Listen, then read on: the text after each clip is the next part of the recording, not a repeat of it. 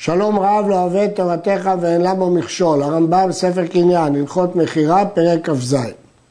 המוכר את הספינה, מכר את התורן, או עץ ארוך, מה שקוראים היום תורן, ואת הנס, הוא המפרש של היום, ואת העגינין שלה, עוגן שבאמצעותו קושרים אותו, אותה למזח, ואת כל המשוטין המנהיגים אותה. יש שפרשו משוטי עץ ויש שפרשו חבלים שמושכים את הספינה ליבשה.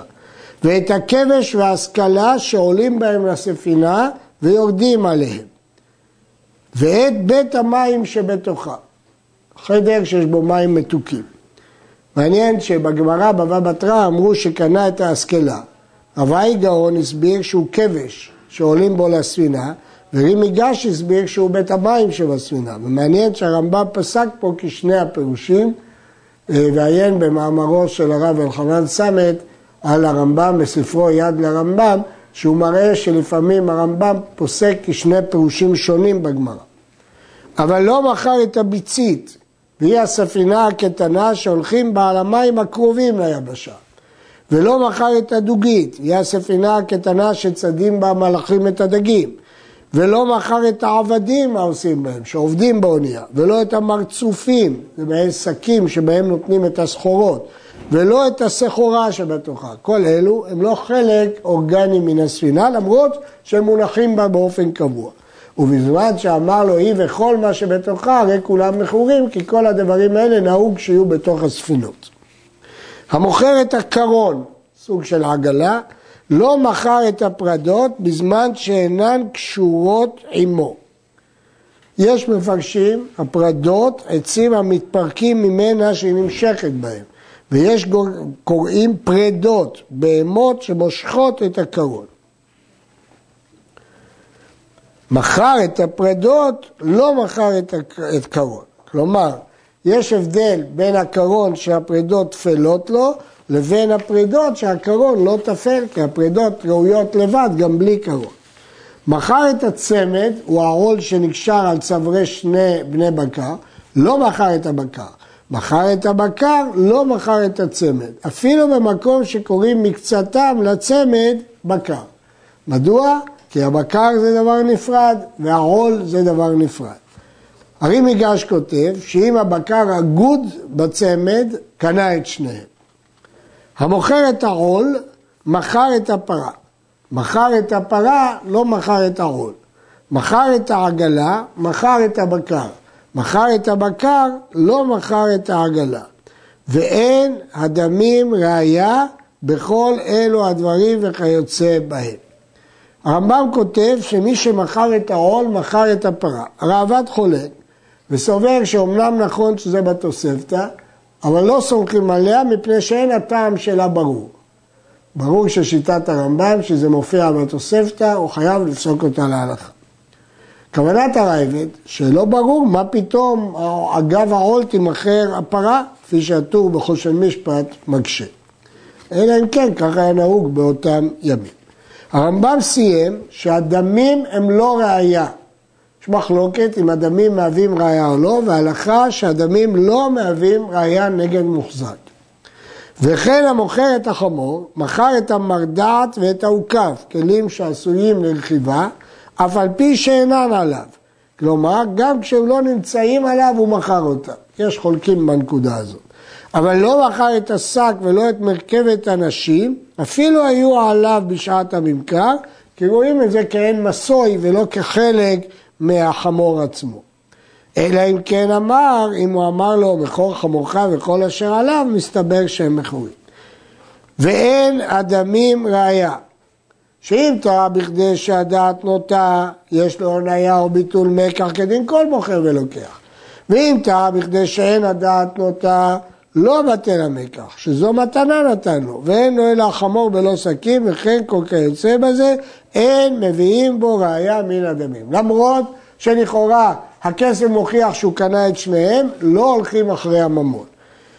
הרמב"ם בפירוש המשנה מסביר, לפי שאין בני אדם טועים בהבדל גדול כל כך בין עול ובקר, בין מרדעת לחמור, אז לכן אנו אומרים שהוא נתן לו מתנה ברצונו.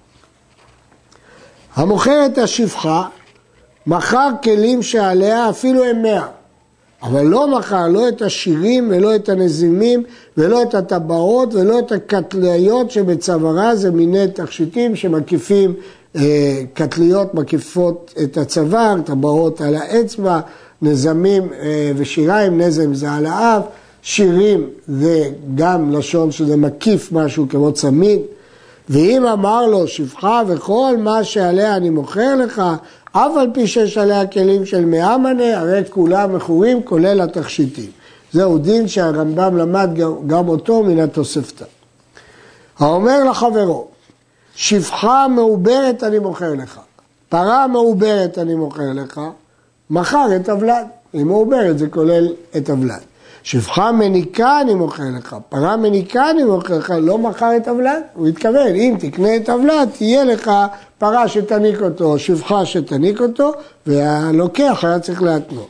חמור מניקה אני מוכר לך, מכר את השיח. שאין אדם קונה חמור לחלבה. כשהוא אומר לו פרה מעוברת, אולי הוא התכוון לקנות את החלב. אבל כשהוא מוכר לו חמור, זה ברור שהוא התכוון לקנות גם את השיח. האומר לחברו, ראש עבד זה או ראש חמור זה מכרו לך, הרי זה מכר את חציו. וכן הדין בכל עבר שהנשמה תלויה בו. בדיני ערכים אנחנו אומרים שאם הקדיש דבר שהנשמה תלויה בו, כולו קדוש.